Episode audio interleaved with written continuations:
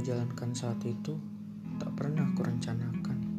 Tiba-tiba saja waktu mempertemukan kita. Kau dan aku sepakat untuk menjalin hati. Kita sama-sama belajar satu sama lain. Aku berusaha memahami sifatmu, dan begitupun kamu. Kita dua orang yang tak sehobi.